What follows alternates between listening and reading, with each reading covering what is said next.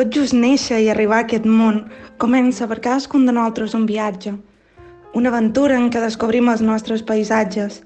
Tant se val si té lloc en un petit poble rural o en una gran ciutat.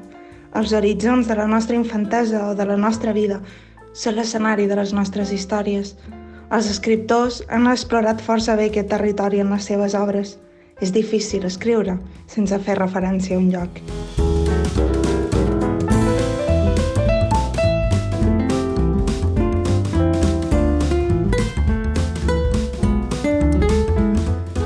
Sigueu benvingudes i benvinguts altra vegada a Tàndem. Comencem aquí un nou programa d'aquest podcast sobre literatura infantil i juvenil i mediació literària. Soc el Guillem, mestre, defensor de les biblioteques escolars i hobbit en potència. I m'acompanya, com sempre, la Marina, editora, lectora empadreïda i motivada de la vida. Què, Marina? Com ho tenim avui? Avui estic molt engrescada, Guillem. Millor, um... millor, millor. Sí, sí, perquè m'agrada molt que vengui gent que en sap molt a xerrar amb nosaltres, però mm. també m'agrada molt de reconèixer quan només som tu i jo. I sí. no, no, de fet, aquesta temporada no ha passat... Ja. Com pot cap? ser? Jo crec que Ni cap. Un, no? no, no, perquè Sant Jordi, vull dir, Nadal no compta perquè en realitat estem acompanyats de molta gent encara que sigui virtualment, però Ostres, m'agrada molt. Sé que t'he liat a fer una cosa... No, sí, jo, jo avui patiré, no passa res. Jo, jo, mira, tot sigui perquè el nostre tècnic de so, el Jordi, es pugui lluir amb les seves músiques. sí, això és vera. Perquè però... són els moments en què ell pot anar posant cosetes, eh? Si no fem això, quan les posa? No sí, però posar. avui no tindrà la disco mòbil, crec. I així, a més a més, no em renyes perquè no he fet la pregunta dels infants. per això, per això. No, perquè la veritat és que jo tenia moltes ganes de fer aquest, aquest episodi, però clar, ser una motivada de la vida per qui fa feina en tu a vegades no és tan positiu. Ah, I bé. vaig enviar una nota de veu en Guillem molt motivada de, ja està, he tingut una idea. I tot el que comença per he tingut una idea el se Guillem tradueix... comença a tremolar. Sí. en patiràs, patiràs molt. Um, però a veure, a veure la veritat com què surt d'aquí. Uh, nosaltres necessitàvem una excusa per poder fer una prestatgeria, mm -hmm. no? perquè és una és un tipus de programa que ens agraden, i fa unes setmanes va arribar un llibre, que aquí moltes gràcies a les editorials que ens enviat llibres Exacte. perquè els podíem llegir, um, i ho va facilitar tot, perquè ho vaig veure clar, de, vaig unir caps i li vaig dir, Guillem, he tingut una idea. I aquesta, aquesta obra és Paisatges literaris de la Núria Solsona, editat per Thauri Books, que qui m'ho segueix des de fa un temps sap que no és cap secret, que mos encanta ens Thauri. Ens agrada bastant, ens sí, s'ha de dir que sí. Um, Tic, I ara? Sí. Perdó, ara m'havia quedat... I aquí és el moment en què comencen els problemes. Molt bé, seguim. No, vos expliques que estava esperant que tu me diguessis oh, Marina, quin llibre més interessant, oh, què sí, pots explicar? Ah, és veritat. No, sí, sí. Um... Què em pots explicar, Marina, d'aquest llibre tan interessant que has portat avui? Sí, aquest llibre, que el tinc a les mans i, i espero que el podeu veure algun dia perquè val la pena tenir-lo entre les mans, mm. um, és un llibre de, uh, il·lustrat per la Núria Solsona en el qual ella repassa uh, llibres a través dels paisatges on passen. Però, val, però els explica o què fa? Sí, mira, t'explico com està feta l'obra. Té un pròleg preciós, que és el que heu sentit uh, llegit a l'inici per una veu menys preciosa, però és de l'Anna Garralón, que va passar per aquest ah, programa. Ah, em sona. Um, i després té unes il·lustracions a doble pàgina en gran format i després un petit text que posa en context l'obra mmm, perquè passa on passa. Val. I hi ha obres doncs, tan, de, de molts indrets del món te poso un exemple, a veure, algunes que et poden sonar, Tom Sawyer, uh, l'illa del tresor... Ni idea, cap de les dues. la, la crida del bosc, el llibre de la jungla, uh, Donetes... Mm, L'illa del tresor, aquest, eh, tinc un gran record, eh, de l'illa del tresor, però més com a adult. Sí, no? I tot llegies a classe. M'encantava. Clar. Sí, sí, hi ha moment que apareix, ara no recordo quin era el personatge, però feia el xiulet aquell del... Sé que apareix un que fa un xiulet i, i que tothom es caga. Això me'n recordo. I me'n recordo el moment aquest de fer-ho fer i que tots els nens i nenes estiguessin... Ui, no sabien què fer. Bueno, molt divertit, molt divertit. Doncs sí, sí, doncs bàsicament és posar com a protagonista, com farem en aquesta prestatgeria d'avui, els llocs on han, on han passat, no? En el cas, per exemple, de les aventures de Tom Sawyer, que és el primer, tenim aquesta imatge del Mississippi mm -hmm. imponent, i va explicant una mica cada, cada lloc que el posa en context. Jo t'explicaria una miqueta més del llibre, però tenim la sort de que la Núria Solson ens ha contestat una mica aquesta pregunta de com va començar el projecte d'aquest llibre. Hola, sóc la Núria Solsona, il·lustradora i creadora juntament amb l'equip de Theory Books del llibre Paisatges Literaris. La idea d'aquest llibre va sorgir per una banda de la meva falera de dibuixar paisatges, camins i indrets per on passejo i per l'altra, i molt en concret, després de llegir el llibre de l'estiu de la Tove Jansen, que parla de les vivències d'una nena amb la seva àvia un estiu en una illa de l'arxipèlag de Helsinki. Quan el llegia, m'imaginava tant el lloc on succeïa la història que em moria de ganes d'estar-hi. I si més no, si no hi podia estar, almenys de dibuixar-lo.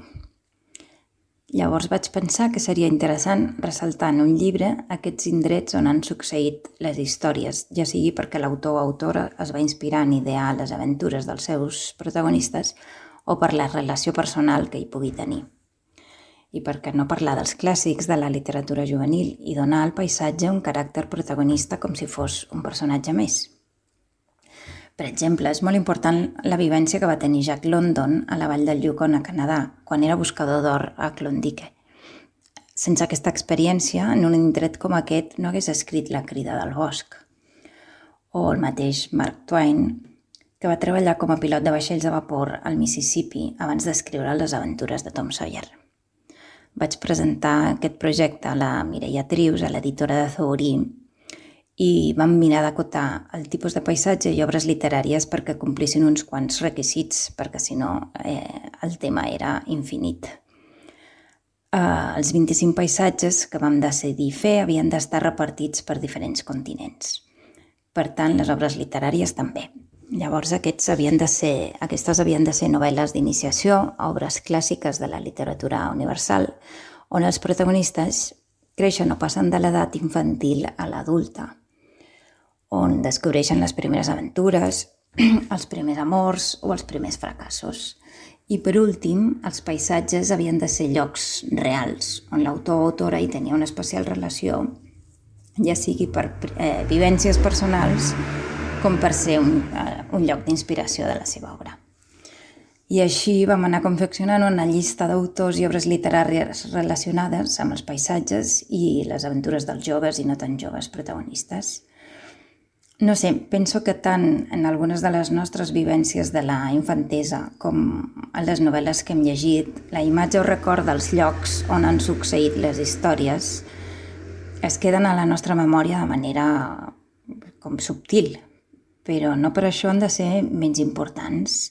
L'escenari on passen les històries crec que és importantíssim i és indissociable a la resta del, del relat.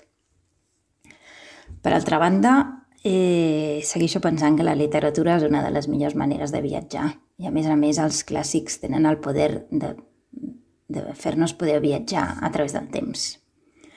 Jo us convido a fer-ho a través de les pàgines del llibre Paisatges literaris i podeu anar de l'Índia a l'Àfrica, de la Xina a les illes del Mediterrani o del Canadà a la Patagònia. Us desitjo un bon viatge a tots si esteu entre les pàgines d'aquest llibre. Apa, adeu!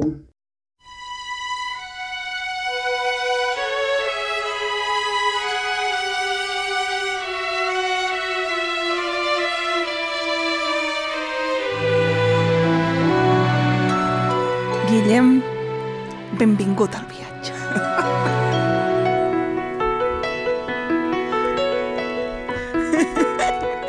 A veure, Guillem, concentra't. Concentrat. D'acord? La primera secció, mm? totes inspirades, però aquesta especialment, en allò que va dir el Pep Molist una vegada en el seu llibre Dins el mirall, uh, que era que el llibre és l'agència de viatges més econòmica del món. Sí. Ara, ara, ara has tornat a la teva veu. Fins ara estaves així. No hi havia manera que sortissis d'aquí. Molt bé, molt bé. Perdó, seguim. Um, et propos per iniciar aquest viatge, aquesta prestatgeria sobre els llocs, que precisament eh, xerrem sobre els paisatges literaris que van nodrir la nostra infància, o fins ara, però pens en la nostra infància perquè no sé si tu tens aquesta mateixa sensació, però sempre deim que els llibres que llegim d'infants i adolescents mos marquen d'una manera especial, mm. no? I crec que els segons quins llocs que mos proposaven els llibres se van quedar molt dins nosaltres, que van ser aquests, aquesta geografia literària de la teva infància. Mm. Um, N'hi ha un que el deixaré a banda, val? Ja, ja en parlarem després, crec. D'acord. Ah, ja. Val? Perquè si no seria com molt repetitiu. I clar, millor... clar, t'entenc. Clar, o sigui, jo primer que recordo haver llegit amb gran fervor va ser Eragon. Ah. I, clar, al final és veritat que són tot de llibres. Jo, la meva, per qui ja ens hagi escoltat alguna vegada ho sabrà, diguéssim que la meva lectura com prèvia, diguéssim, a, a dedicar-nos una mica a això, va ser bastant temàtica, monotemàtica, i va ser això, fantasia, pràcticament tota ella. Mm. Hi, havia, hi hauria llibres que no, eh? però en general sí. Llavors, clar, tots els referents que jo recordo ara mateix eren o són uh, d'aquest tipus, perquè si això, un Eragon en què mm, viatjaves a un món pues, això, medieval o mig medieval, um, en què la màgia sí que hi és, en què tot això, però després també recordo un Memòries d'Idun, per exemple, que aquí sí que és més actual. Aquí la gràcia dels paisatges també és curiosa perquè viatgen entre mons. La Laura Gallego fa... No sé si l'has llegit tu, Memòries mm. d'Idon. Val. Doncs, diguéssim que hi ha dos mons, si no recordo malament, no sé, no sé si hi ha algun altre, però dos n'hi ha. Llavors, clar, depèn de quan estan a un o a l'altre, no? I llavors aquest viatge també té la seva importància dins de, de tot això.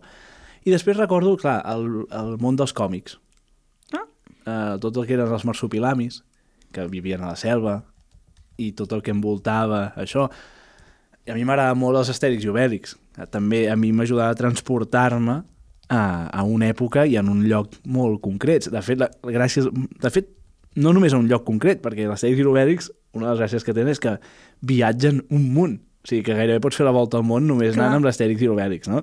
I jo recordo que això m'ajudava són, òbviament, després tu mires de gran i tots són clichés i estereotips bastant marcats, però sí que t'ajudava a veure cosetes de, del món, no? Jo recordo bastant això, i després, sí, clar, els, els contes, els contes populars, els, tot això, a mi el, el bosc, crec que és el paisatge que més recordo de la infantesa, perquè a mi quan m'explicava una història que passava al bosc, Normalment estàvem a dins del bosc, que això també ah, té la seva... Te tenien ambientadíssim. Clar. I uau, jo pensava, ostres, que aquí dins hi poden passar moltes coses. Uau, i sempre m'ha quedat aquesta visió del bosc com a, com a gent liter... o sigui, com a element literari i com a, com a lloc on pot passar absolutament tot, no?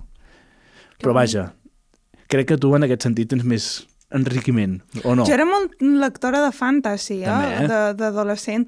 Clar, aquí, en el meu cas, s'ajuntava que sempre he estat bastant innocent i bastant somiatruites.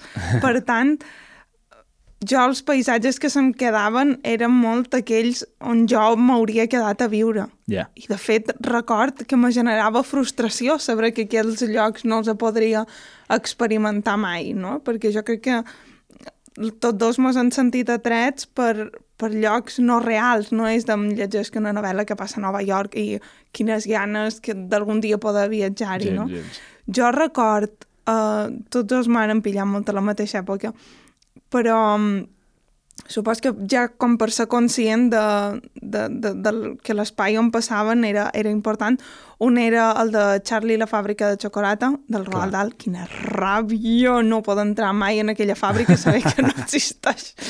Um, sí, me generava, me generava mm -hmm. molt, a més, just després vàrem, vàrem fer la, la pel·lícula de Tim Burton, yeah. que tampoc no ajudava, que els teus referents, si tu ja somiaves en, en aquella fàbrica, imagina't després de, de veure la pel·lícula, no? I uh, de la mateixa època les cròniques de Nàrnia. Mm. Si jo de veres me ficava a l'armari pensant que a veure si així aconseguia arribar a l'altra banda, no? No m'escoltes. T'escolto. El que passa és que... T'avui amb atenció. atenció plena, Guillem. No, el que, el que em passa és que hi ha llibres és que ara m'estic adonant de les seccions que has anat fent. Sí. I hi ha llibres que els puc col·locar en molts llocs diferents. Clar, Llavors em ja fa sé, patir, rei. fa patir. No te preocupis, No, quan te'n recordis, me'l dius. Doncs res, ja D'acord, això no, és un terreny de llibertat absoluta.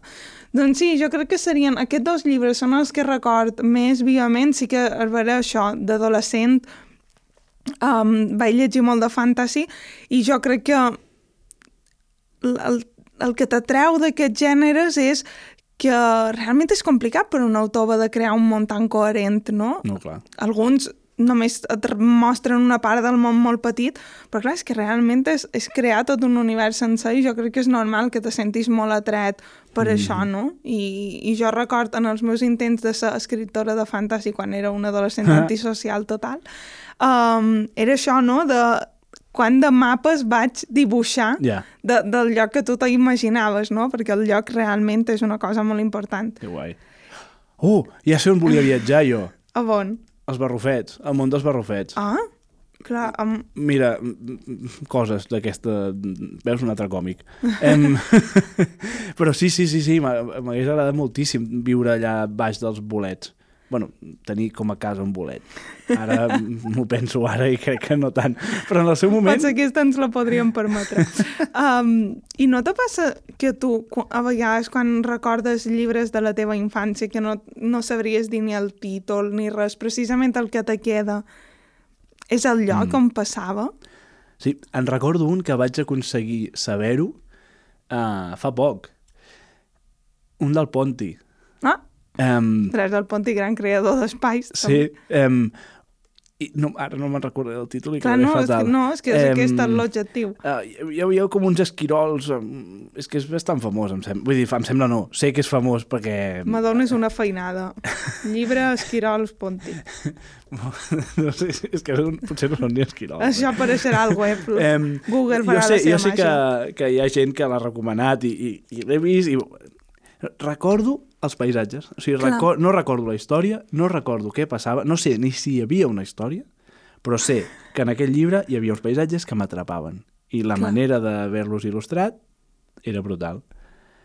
No, Estaria no, és bé que, saber quin llibre és que era. jo en veu alta, un dels llibres um, que me llegien, sé que era un d'un conill, que jo record la, una primera il·lustració que presentava com tots els animals del bosc, on vivia el conill, on vi...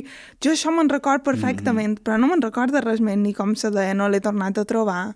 Teniu feina, gent que escolteu. Tàndem, us posem feina, a veure si Descobrir els trobeu. llibres de la infància, no? Serà un, Um, un episodi joc. Sí, exacte. I, mm, i anava, anava a explicar un altre llibre de la meva infància, però ja, ah, Els somnis de l'Aurèlia, de l'Eduard Márquez. Aquell llibre jo el vaig llegir a primària Val. I, i és que record vivament aquell laberint, que no me'n recorda res més, Mhm. però aquell laberint se me va quedar a de dins i jo crec que podem anar passant a la següent parada.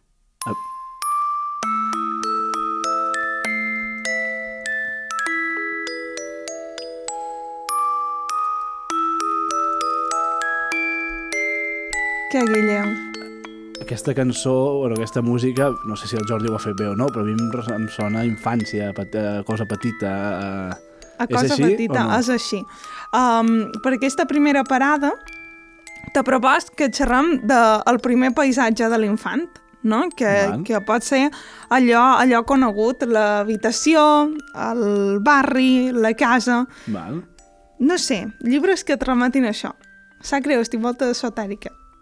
Clar, n'hi ha un que, que a més el tenia a casa i, i, i justament parla de cases i fa, no fa tant que el vaig llegir, diguéssim, o que el vaig remirar, que és aquest llibre de Flamboyant, sé el títol perquè el tinc aquí, si no potser no me'n recordaria, eh? que es diu Casa teva, qualsevol lloc, que bàsicament és un llibre de coneixements sobre cases. I, i és xulo perquè explica o t'explica com van sorgir, tipus de cases que hi ha, maneres de construir-les, eh, bueno, és un llibre de coneixements com a què hi pot haver dins, què no sé què, etc. Conceptes com la intimitat, com el benestar, no sé, és, és, és curiós i està, i està molt ben fet i, i trobo que és un tema que no es fa gaire tampoc, no?, al final, i, i que és una cosa que ens afecta a tots, perquè al final, si tenim sort, tots vivim dins d'una casa. mm, sigui un pis, sigui... no, que sigui. I, i penso que, a més a més, està, està realment ben fet. O sigui que aquest um, el tenia com molt a, a, a mà i va ser com dels primers que vaig... Quan m'ho vas dir vaig dir, espera't, espera't, que aquest, aquest sí que, que, Aquest sí que el que tinc. entra. Tu, tu tens algun o no per aquí? Sí, jo, quan pensava en habitació, però tots, curiosament, fan una espècie de viatge, però vaig pensar en Sendak, automàticament. clar. Um, vaig pensar en allà on viuen els monstres, que crec que és la gran novel·la, Sí. la, la gran novel·la, mare meva. Novel·la-? El gran àlbum d'habitació, Mhm. no? De com va canviant aquest paisatge i després te qüestiones si realment en Max ha fet aquest viatge o no l'ha fet, si ha Sí, és sortit veritat. mai de la seva habitació o no ha sortit de la seva habitació. Uh, i, i, I crec que pensant en habitacions i en espais petits um, havia de sortir aquest llibre, però també a la cuina de nit, no? que, Mm. que precisament és aquest nen que somia i com les, les coses que ha a la seva cuina acaben esdevenint com una ciutat. A més, aquest llibre és... Com ho diria? Saps quan, quan veus una cosa, el grotesc, que te- que t'atreu el, i al mateix temps te genera una sensació estranya? Sí. Doncs aquest llibre me passa. Bé, de fet va estar prohibit perquè el nen surt en pilotes. Ah, això no ho sabia. Sí, va estar censurat, ja que un dia xerràvem Sí? de llibres censurats, Sí, sí, sí, sí. doncs va estar censurat. Doncs sí, aquests dos llibres són els meus llibres d'habitació. Jo n'hi ha un altre que, que recordava haver llegit i que també l'he buscat, um, que és, clar, a l'habitació, pensava en el- en l'infant sol a l'habitació i pensava en malsons, amb tots aquests de monstres d'habitació, del que hi ha dins de, sota el llit, uh, dins l'armari, que n'hi ha uns quants d'aquests, i jo en recordava un especialment que es diu això, un malson al meu armari, del, del o de la Mercer Meyer, ah, no sé si és la o el Mercer Meyer. bueno, mm, en tot cas, Lee. Um, I en aquest cas és un nen no, que se'n va a dormir i que no pot dormir perquè creu que hi ha un malson a, a l'armari. I llavors, bueno, mm, al final acaba disparant en el seu malson i les coses com que comencen a canviar i de fet és el malson qui té por del, del nen. Bueno, té gràcia perquè no és eh, hi ha un eh, malson tranquil que si tu, tu prens amb valentia eh, te'n sortiràs i dormiràs tota la nit no? No, no va per aquí, malgrat que potser al final el que t'acabes traient tu com a, com a lector és això però és d'aquells que mm, no va a buscar una recepta sinó que t'ho ensenya d'una altra manera i a més a més que té un final obert que a mi això m'encanta, o sigui, té un final diferent llavors Per clar, favor. és que Eh, Eh, no Molt podia ser d'una altra manera. Molt previsible o què? Que m'agrada... Ah, que m'agradi. Ah, sí. no, el sí, llibre sí. no té cap um, sí, és que en realitat l'habitació, la casa, és, el primer es, contacte, diguéssim, de l'infant amb la vida, no? amb les normes socials de la vida mm. i amb l'espai aquest de socialització de pot ser un espai per tu molt refugi o pot ser un espai molt hostil, l'habitació, no? I Sí. jo pensava, amb la casa no n'he duit cap, mira tu, però sí que pensava en el barri, Mm. que per això hi ha do, dos, dos llibres que potser és molt obvi, la gent ho sap, jo no ho sé, si un se va inspirar en l'altre, però és que m'apareix impossible que no sigui així, no? Que és Matlenka, Sí. del Peter Sis, Hombre. i um, un llibre que va fer la Beatrice Alemanya, que és El meravellós peludiu renudiu xiquitiu. Ah, són Vale. molt bons aquests Que aquest me, l'he hagut d'apuntar perquè Sí, perquè el títol- el títol m'acosta molt de, de dir. Però en qualsevol cas, els dos són aquestes dues nines que Mm. emprenen un viatge pel seu barri. Mm, En el cas de, de Matlenka, no? de més està disposat així mm, se m'adona molt malament explicar les il·lustracions, no? però uh, tota l'estona amb aquesta vista aèria, com, quasi com si fos l'Eixample de Barcelona, tan quadradet, um, ¿no? y digo, en el universo, en un planeta, en un continente, en un país, en una ciudad, en un edificio, en un apartamento, en una ventana, bajo la lluvia, una pequeña niña llamada Matlenka, no? Mm. I de cada vegada fent aquest zoom, doncs això, no?, d'aquest espai més macro, que podria ser l'univers, fins en aquesta finestra on hi ha la Matlenka, i la Matlenka em pren un viatge eh, sortint de casa seva, anant a veure... Eh, al seu barri, no? I tots els comerços que se va trobant allà i com aquests comerços li diuen moltes coses fins i tot d'aquest món, no? Clar. On, del qual ella forma part. De fet, he de dir que um, que lligat amb això, el dia de la jornada de Faristol, la Teresa Duran va fer un comentari uh, sobre el meravellós peludiu renudiu xiquitiu mm. de la de la decisió que varen prendre de traduir el nom dels comerços, no? I la boulangerie no és la boulangerie, és la fleca. I ella ah. deia, quina pena que no, no pugui servir la literatura per viatjar i per explicar d'alguna manera doncs, que aquí tenim fleques però que en d'altres països és una boulangerie i que és una boulangerie, no? I de quina manera podem també viatjar a través dels llibres, no? Clar, no, no, home, no, mira, no sabia que ho havien traduït així, mm. no m'hi vaig fixar quan ho vaig llegir. I que més tota l'arquitectura del llibre és, és molt paricient, sí, en realitat. Sí, sí.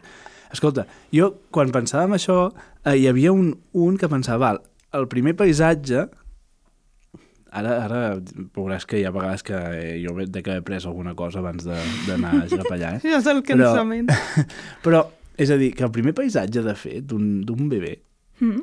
és el pare i la mare. O sigui, el primer que veu, el primer que... No? I si no, doncs mira. No, i pensava en aquests llibres de l'Anthony Brown, que es diu El pare. Sí? No? Et sona? Que es, la coberta és el pare, o sigui, és un senyor. Sí? Però, pum. Que també tot aquest tipus de llibre que tracta no, de, dels éssers propers eh, de l'infant, crec que és interessant no? també tenir-los en compte, que a vegades només perquè sigui això, d'una un, figura ja tendim a, a deixar-los de banda, perquè és veritat que normalment tendeixen a, bueno, a repetir patrons que ja, ja ens coneixem, però n'hi ha que són bons, i crec que aquests de l'Anthony Brown justament tenen, tenen la seva gràcia. No, ves, eh? Quina sorpresa, eh? És que, és que jo t'ho vaig dir, que això havia de sortir bé per nassos. I jo, abans de passar a la següent secció, que no sé si tu tenies algun altre llibre que no, volies jo comentar, ja jo volia recomanar un article de l'Anna Juan, ah, endavant. um, perquè el seu, el seu blog té, té uns quants articles que lliguen una mica amb el que hem fet, però precisament ella va dedicar una, un article de la col·leccionista a xerrar de l'habitació infantil, no?, com a, mm -hmm. com a tema, així que si algú el vol llegir el deixarem a, a la web web. I, si et sembla, anem a la següent parada. Som-hi. Somewhere over the rainbow, way up high, there's a land that I heard of. Bé, a veure, ara potser me tiraré, me tiraré pedres a jo mateixa, mm. Perquè ara xerrarem del tema del viatge. I jo crec que és un dels temes que més me fascinen de tots. Crec que no n'havien xerrat mai, però no. el tema del viatge en la literatura infantil i juvenil m'encanta. Ojalà tingués temps d'escriure un llibre sobre això. És que m'encanta. M'encanta. No, i a més hi ha molts exemples, molts. sobretot de viatges d'aquests iniciàtics, diguéssim, Clar. de surto a fer-me... Clar, té lògica. Sí, és el viatge a l'heroi, sí, és el viatge iniciàtic, no? total. I n'hi ha un munt... Clar, és que quan, quan ho vas passar, a mi d'entrada em va venir un que no fa tant que vaig llegir, però que es diu El viatge de... Ai, el viatge. Eh, el vi... ara, ara ho diré malament, ostres, tu. Espera, Axlin, Laura Gallego, eh, un altre cop. Sí? El, Ara no em sortirà el títol, serà possible. No te preocupis, el deixarem, el deixarem. Ara no sé si els monstres de l'Axlin o el viatge de l'Axlin, ara no me'n recordo. Tu segueix xerrant. I que consti que dic no me'n recordo perquè si no ho miraria al mòbil, però com que fa interferències no podem fer aquestes coses. En tot cas, és una... Ara ens diu que sí. Molt bé, doncs pues ja està. Um, la qüestió... és com les aerolínies que t'ho diuen. Però um, no ara em diràs com es diu. La qüestió és que és una nena que viu en un enclavament uh, d'un món que està infestat de monstres. El bestiari, El bestiari de l'Axlin. Perfecte, ara me'n recordo. Molt bé, gràcies per la punta. Per la punt. En tot cas, eh, és una nena això, que viu en un enclavament, en un poble petit, petit, petit, envoltat de monstres que fan una por eh, terrible, o sigui, t'expliquen en pers i senyals com maten en els humans, i déu nhi eh, i el que agafa és això, vol fer el bestiari aquest, vol fer vol recollir no només quins monstres existeixen, sinó com eh, eliminar-los, no? Uh mhm. -huh. I comença a fer aquest viatge a través dels únics camins segurs, o més o menys segurs, que hi ha en aquest país eh, inventat, diguéssim, per, per ella. I aquest és el primer que em va venir al cap. També suposo que és dels pocs dels últims que, que m'he llegit. Doncs sí, sí, jo crec que és un tema molt recurrent, també té sentit, no? Perquè el viatge és la metàfora de créixer, mm -hmm, de veure coses, clar. sortir del, de passar del conegut al desconegut. Però sí, um, jo, pel que fa al llibre il·lustrat, vaig pensar en el túnel mm -hmm. de l'Anthony Brown, um, que precisament té aquest, aquest pas, no? aquesta història de dos germans que travessen aquest, aquest túnel, però mm també vaig pensar molt en un llibre que a més me lliga moltíssim a tu, Ah, sí, sí, sí, jo també vaig pensar, aquest és, aquest és repe. és repe. Um, que de fet jo el conec perquè tu me'l vas regalar, va ser el primer, D'aquest sí que me'n recordo el títol. primer intercanvi de llibres que era el de Oh, que bonic és Panamà, Oh, que bonic és aquest llibre. Perdó. de Llanós, que, que precisament també té aquesta cosa del viatge, mm. um, de fer el viatge pel viatge en si mateix, no? Perquè ells se mouen, acaben arribant allà mateix on ja eren, pensant que són a Panamà, i, però aquest viatge, encara que no s'hagin mogut del lloc, els Sí, ha sí, canviat d'alguna manera, no? Perquè el viatge és la voluntat de fer-ho. Total. I a més, aquesta relació que tenen els dos protagonistes, no? I, i la, la naturalitat i la innocència amb què ho viuen tot és, és espectacular, és un d'aquells llibres que, que val la pena. I que a més a més jo he provat de llegir-lo en, en veu alta i també es funciona, Que... funciona, o sigui que... I a mi, relacionat amb això, se m'acudia un altre que, que crec que és un dels que més s'utilitza per llegir en veu alta, Eh? o almenys jo ho he vist més d'una vegada, uh, i entenc el perquè, que és el de Anem a caçar un os, Sí, clar, que aquest també és un... De fet, és un viatge. és un viatge. És un viatge cap aquí i de tornada molt ràpid. Perquè, clar, a la que et trobes l'os, la cosa ja no, Clar, ja no clar. agrada tant. S'ha d'espavilar. Però realment, fins i tot en, en àlbums que són relativament curts, no? que no necessiten una novel·la allò de tres volums i no sé què Clar. per explicar-te... Vi... No, no, també pot ser un viatge eh, llarg, llarg, llarg. I ja no parlem dels que te- t'envien a l'espai o et fan històries rares, no? Però realment n'hi ha molts. En sí, sí, jo pensava mm, dintre dels clàssics, a banda de l'Alicia en el País de les Meravelles, que podria haver estat en els escenaris de la meva infància, en aquest cas no pel llibre, sinó per una adaptació cinematogràfica que es va fer amb personatges reals que hi havia, um, a banda de la de Disney, que, que sí que crea un imaginari que, que és tan tan surrealista Sí, que és és- imaginació al poder, no? És que allà tot és possible. I, mm, i precisament l'Alicia en el País de les Meravelles és aquest viatge. El Mac 2 és aquest mm, viatge. Peter Pan és aquest viatge, no? D'allò que coneixem en aquell territori completament desconegut on, on el protagonista o la protagonista s'ha d'enfrontar a una sèrie de reptes, clar. M'agrada perquè, o sigui, realment és, és més fàcil trobar-te llibres o àlbums que vagin de viatge que no alguns que es quedin en un mateix lloc tota l'estona. Això últim, n'he llegit un últimament um, que, que passa tot, tot en una cruïlla de... de o sigui, en, en, quatre, Sí? en una cruïlla de quatre carrers. Que curiós. Sí. Eh, tornem al mateix, no me'n recordaré el títol. Uh, els monstres de, de Bromera. Els monstres de els Bromera. monstres d'alguna cosa de Bromera. Um, quatre nens, bueno, quatre joves, fugen un de, un, un de cada un de monstres, o sigui, cada un el persegueix un monstre i de cop es troben a, a la cruïlla. I tenen un monstre tapant cada una de les sortides, cada un dels carrers. I què fan? No? I llavors tot passa en aquell lloc. O sigui que tens tant el marxem cap a fora, sé què, com alguns que es dediquen a fins aquí i només ens, ens quedem aquí. I que consti que, per exemple, per adults, Els monstres de la vall, ja me'n els recordo. monstres de la vall. Ja m'ha vingut. I que consti que, per exemple, per adults me- m'amola moltíssim el, els llibres que passen tots allà mateix. O sigui, el- aquell, eh, aquest tipus de novel·les claustrofòbiques que és fiquen un espai molt petit mm, X Mm. adults o X personatges i que se matin. Sigui, que, que explotin les tensions entre ells, això m'encanta. Molt tipseniana. Um, Tipo mètode Gronholm, no? De... Anem de a veure què passa, exacte. um, si t'apareix, passam a la següent parada. Crec que millor.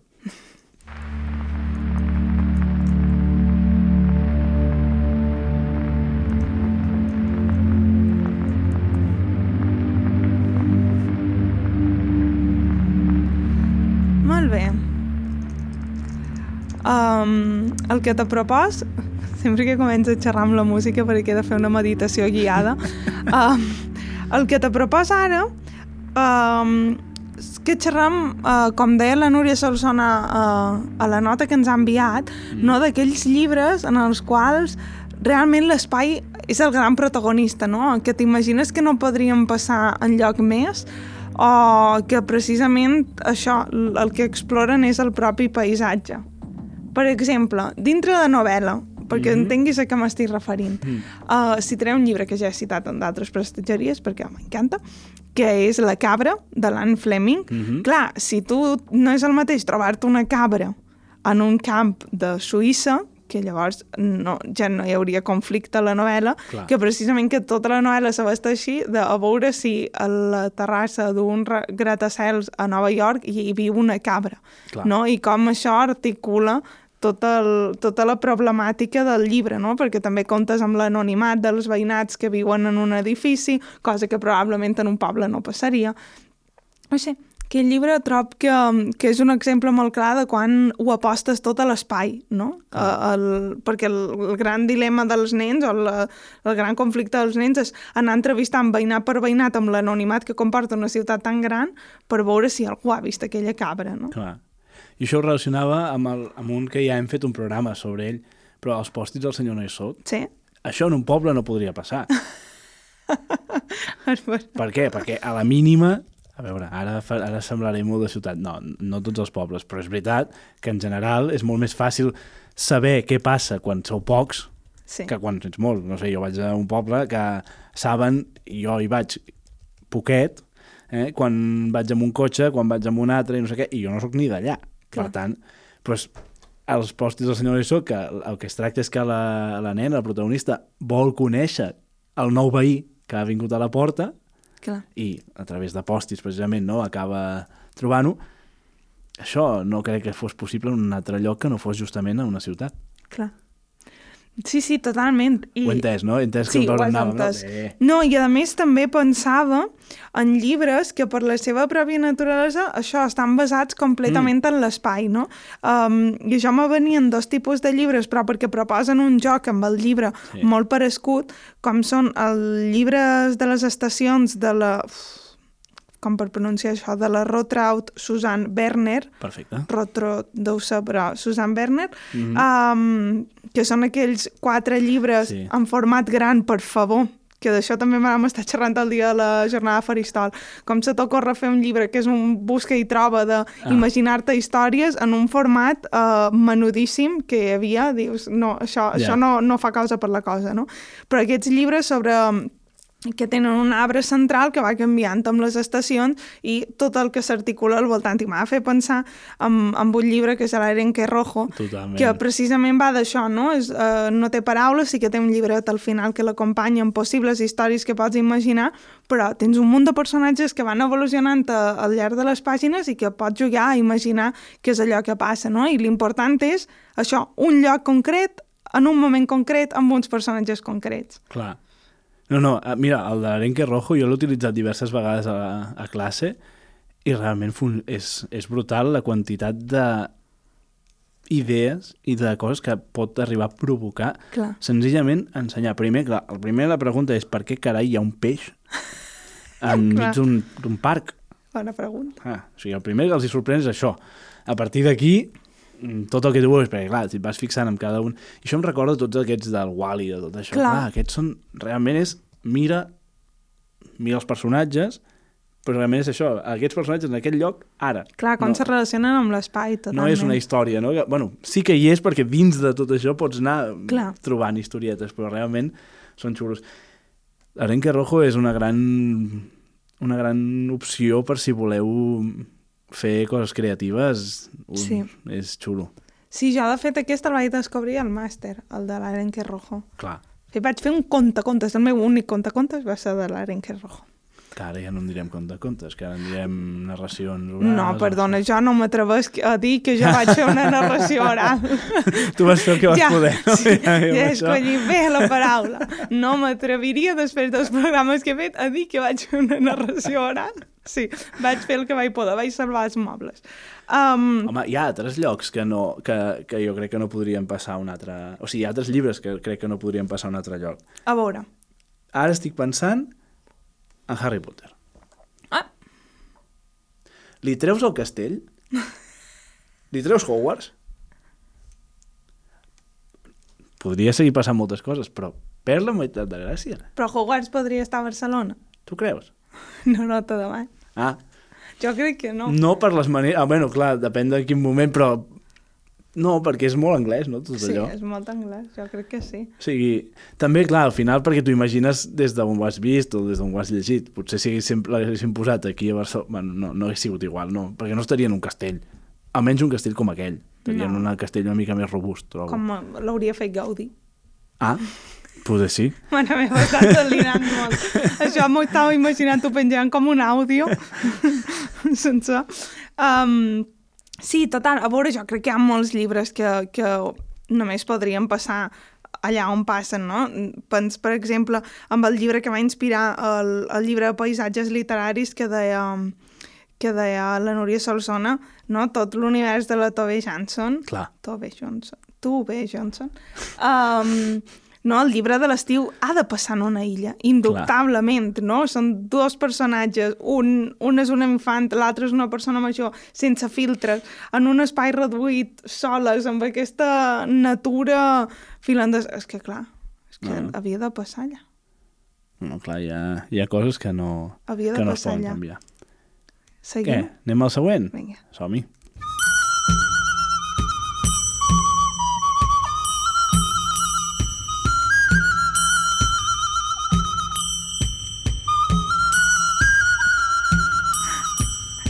Què, què t'has deixat? Uh, Què t'has oblidat? Un títol.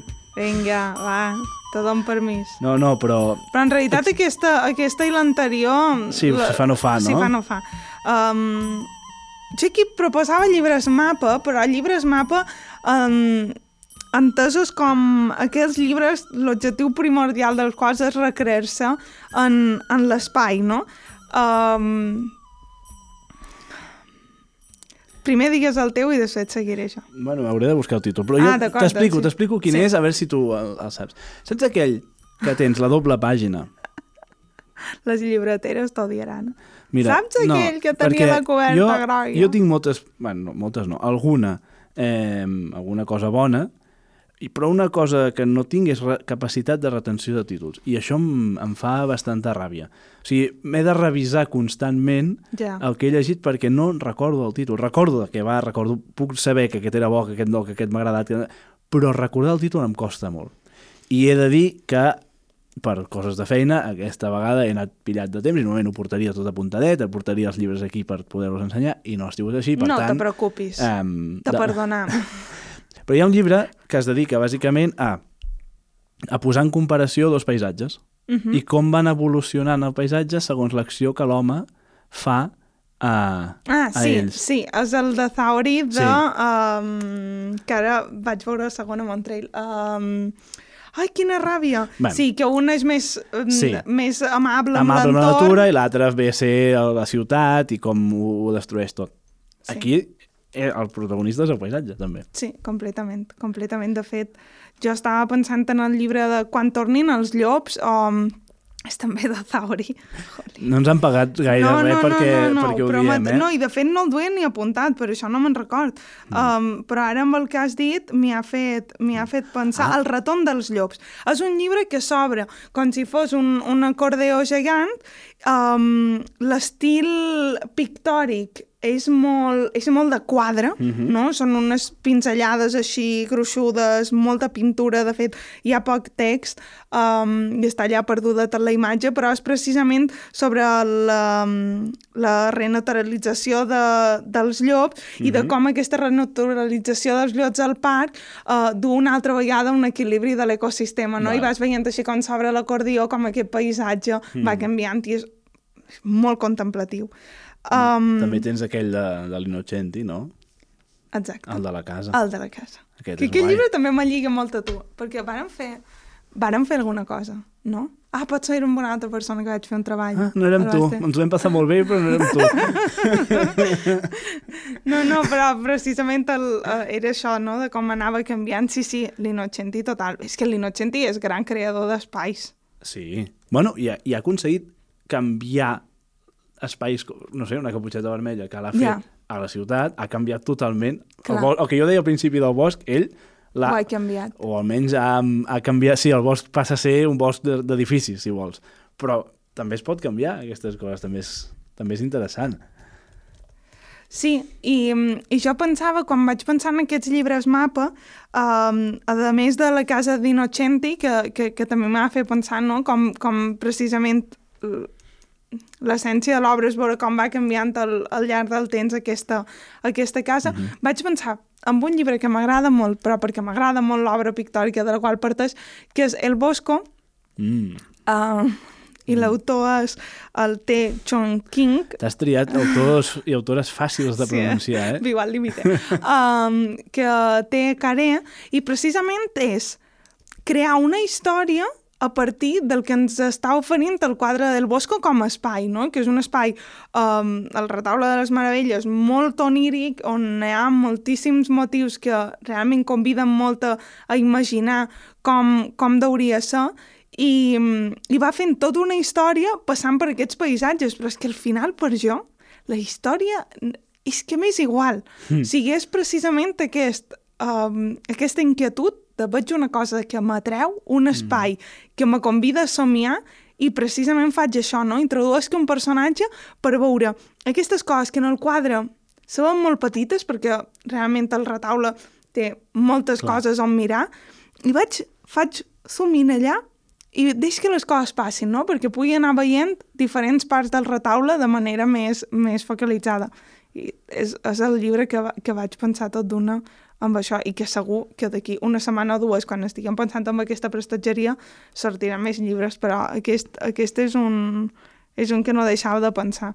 Igual que, igual que els llibres d'Anno, Ah, s'ha de dir Anno? No sé. No, tu dir- hauria de Ah. venir la, tradu la, la traductora a dir-nos dir-nos com, com, ho- com ho hem de pronunciar. um, doncs el llibre dels viatges d'Anno precisament és això, no? com un travelling d'aquest viatge i de- de- d'aquesta Europa i com va... um, I, i, no sé, és que és contemplatiu al final, no? Mm. Que tipus de llibres que només te conviden a mirar i a, i a estar-t'hi una estona a cada pàgina mirant tots els detalls. I jo animaria a la gent a que ens fes propostes Clar, també. totalment. Quins som. són els vostres espais? Totalment. Perquè, I així a- a- ampliem la, la llista. Què, anem a l'última parada? Vinga, és no. l'última ja o no? És l'última, és ah, l'última. Ui, a veure quina serà. Uh.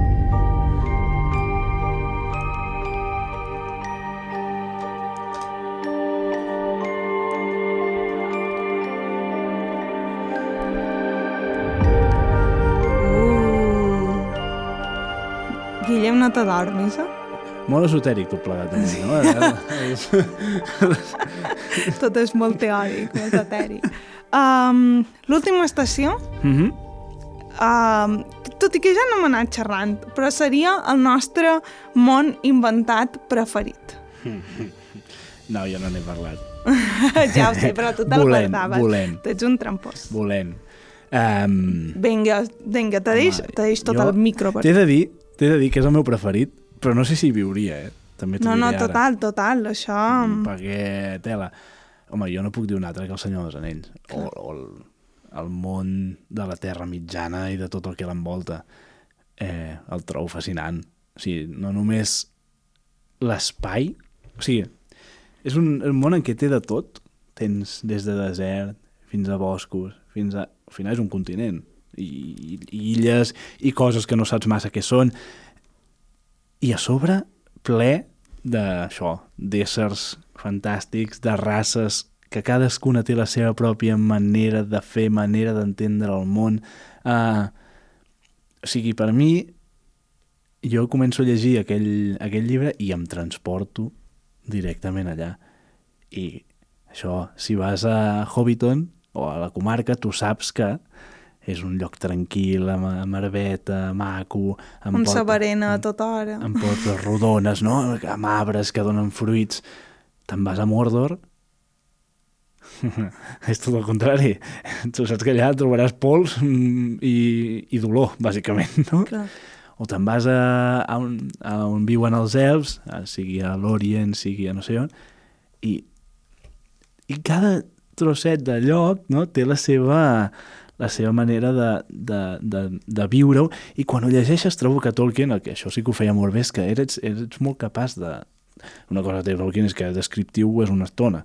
Llavors, tenia temps per descriure't bé el lloc on estaves, què hi havia, què es veia, tot amb molt, molt detall, no? Llavors, és com que pots tancar els ulls, a banda de les pel·lícules, que això també també t'ajuden, però només amb el llibre, amb els llibres, ja pots fer aquest, aquest viatge, no? I per mi és un, això, per mi és un refugi. I et torno a dir, no sé si viuria perquè probablement moriria a la segona pàgina. Jo seria aquests que agafen i eh, s'acabó. Però, bueno... Mira el Sam, tu, sobreviure. Ja, bueno, sí, clar. El Sam és molt Sam, eh? Jo no sé si tindria aquesta... Jo que em sembla que seria... Jo seria un hobbit, això ho tinc clar, però em sembla que seria dels que es queden a caseta i, bueno, ja, si de cas aneu vosaltres... Ja m'ho explicareu. Ja, ja, ja, quan torneu ja, ja parlarem, vinga. Crec que és aquest. Jo, el, el meu món inventat preferit, com sempre, m'acosta infinit posicionar-me. Mm. Um, un seria Nàrnia, però Val. ja l'he dit. Um, Però ja perquè... tens un armari per anar-hi. Ah, no, que no només s'hi va amb un armari, no? També s'hi va amb altres coses. Sí, sí, va amb, amb altres coses, ah. sí. Sí, sí. Però clar, el fotut de Nàrnia és que apareix quan ella li dona la llana, Ja, saps? això és, un, això és un petit detall que... Això pensava jo, és que no, no, no, m'atriarà mai. però, però clar, és un món bastant complex perquè a banda de el que han explotat les pel·lícules, clar, un llibre tenia a veure amb la, amb la història dels germans, Mhm. Que el, lleó, la bruixa i l'armari és el que es va fer més famós, tot i que n'hi havia un abans, Sí. que era el nebot del mag, però, però després, per exemple, el tercer llibre va d'una història completament diferent Ja. um, que jo m'ha agradat molt aquell llibre. Um, no? I de com crea tot un univers molt més ampli que aquella peripècia concreta, no? Mm -hmm. Um, després també estava en triar La història interminable, de Michael Ende. D'acord. Aquell llibre me va volar al cap. O sigui, ja, per començar, uh, el que dèiem de l'efecte sorpresa, sempre de Mhm. promocionar-lo, jo aquell llibre el tenia ma mare, ningú me'l va donar a llegir. Però quan el vaig agafar i vaig veure que estava escrit a dues tintes, Ja. eh, lletra vermella i lletra verdera. Jo necessito saber què està passant aquí, no? I tot aquest tema de que sigui un llibre dintre d'un llibre, però, però això, no? El món de fantasia eh, que, que planteja me va aparèixer una cosa mm, increïble. Mhm. I després, jo crec que mm, si hem de citar mons màgics, eh, ja ha sortit, però Harry Potter Clar. jo crec que ha sortit, forma part del nostre imaginari, Sí. sigui com sigui, sí, sí, no? Sí. I, Tot i que sabem que tu de petita no vas llegir-lo, eh? No.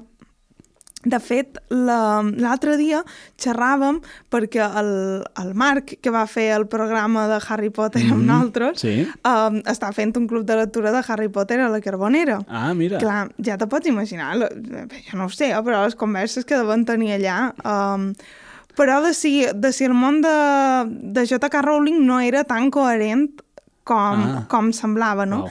Però clar, perquè a partir d'Animals Fantàstics s'ha intentat extrapolar el que ell havia creat a Anglaterra Mm. a tot el món, no? I va sortir la discussió aquesta de... Van sortir un mapa amb totes les escoles que hi havia al món i de ah, però si tu ets un mag a Barcelona... Uh, A on vas, A no? on vas, no? Um, però clar, si no se l'hagués mercantilitzat tant, el món que ella crea allà a dins és increïble, perquè a més, quan, quan tu saps com acaba, ja dels primers llibres la tia ho té claríssim tot. Mm. És una cosa... No sé, jo és que me... Bueno, és, és aquesta capacitat que tenen alguns autors i autores de, això, de, el que dèiem al principi, de crear no només una història bona, sinó un ambient que, que l'acompanya. I a vegades hi ha històries bones que sense aquest ambient Sí. perden, perden. I a vegades l'ambient no vol dir que salvi un mal llibre, però sí que li, li dona un, un, un punt més de, pues això, de, de gust i, i que et fa gaudir més Total. del que potser t'hauria fet gaudir només la, la pròpia historieta que, que està explicant.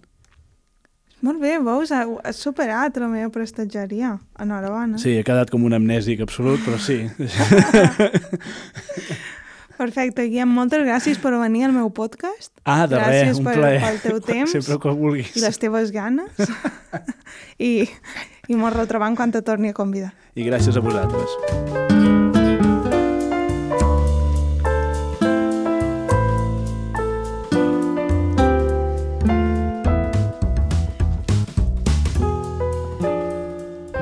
Aquest episodi t'ha deixat amb ganes de més, en trobaràs totes les notes a tandemlish.cat. També estem a les xarxes socials com Tandemlish i et pots subscriure al nostre butlletí mensual al web per rebre més contingut, això ja no. La producció, el guió i la idea d'aquest programa és de Guillem Fargas i Marina Llompart, que ja veus com estan. El logo i la identitat gràfica és de la Maria Mora. La magnífica sintonia és de Carlos Arjona. El disseny gràfic és de la Cristina Rubió. El culpable que el so d'aquesta temporada sigui una fantasia és el nostre tècnic Jordi Bartomeus i la responsable que ha fet que puguem utilitzar les instal·lacions de BTV és la Núria Ferrer. Finalment, gràcies a nosaltres, als nostres convidats i finalment gràcies a tu per la confiança. Gràcies per escoltar-nos i recomanar-nos. Així ens fas arribar una miqueta més lluny.